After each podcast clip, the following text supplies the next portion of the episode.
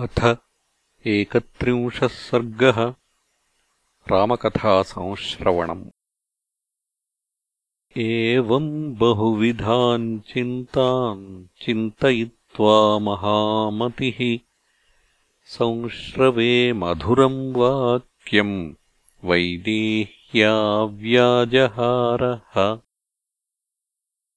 राजा दशरथो नाम रथकुञ्जरवाजिमान्।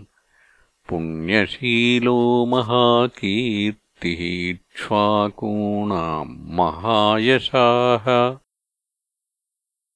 राजर्षीणाम् गुणश्रेष्ठः तपसाचर्षिभिः समः। चक्रवर्तिकुले जातः पुरन्दरसमो बले अहिंसारतिरक्षुद्रो घृणी सत्यपराक्रमः।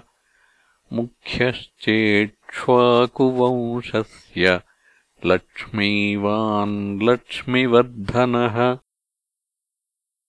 पार्थिवव्यञ्जनैर्युक्तः पृथुश्रीः पार्थिवर्षभः पृथिव्याम् चतुरन्तायाम् विश्रुतः सुखदः सुखी। तस्य पुत्रः प्रियो ज्येष्ठः ताराधिपनिभाननः रामो नाम विशेषज्ञः श्रेष्ठः सर्वधनुष्मताम्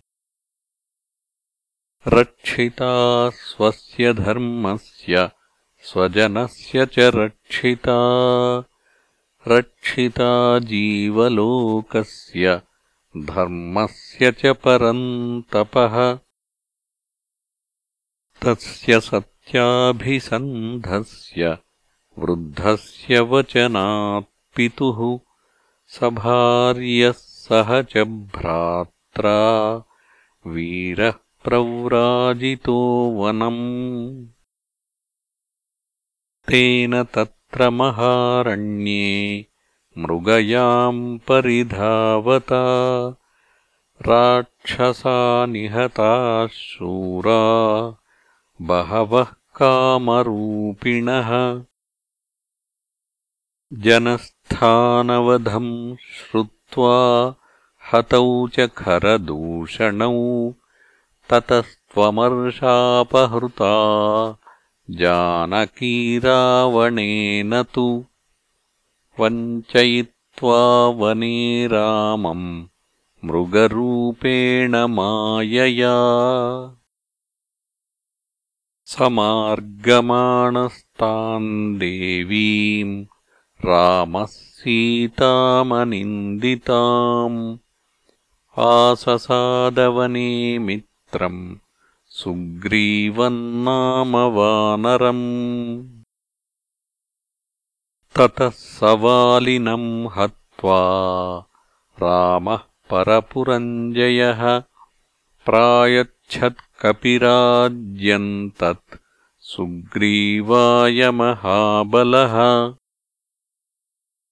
सुग्रीवेणापि सन्दिष्टा हरयः कामरूपिणः दिक्षु सर्वासु ताम् देवीम् विचिन्वन्ति सहस्रशः। अहम् सम्पातिवचनात् शतयोजनमायतम्। अस्याहेतोर्विशालाक्ष्याः सागरम् वेगवान् प्लुतः यथा रूपाम् यथा वर्णाम् यथा लक्ष्मीम् च निश्चिताम्। अश्रौषम् राघवस्याहम् सेयमासादिता मया। विररामैव मुक्त्वासौ वाचम् वानरपुङ्गवः।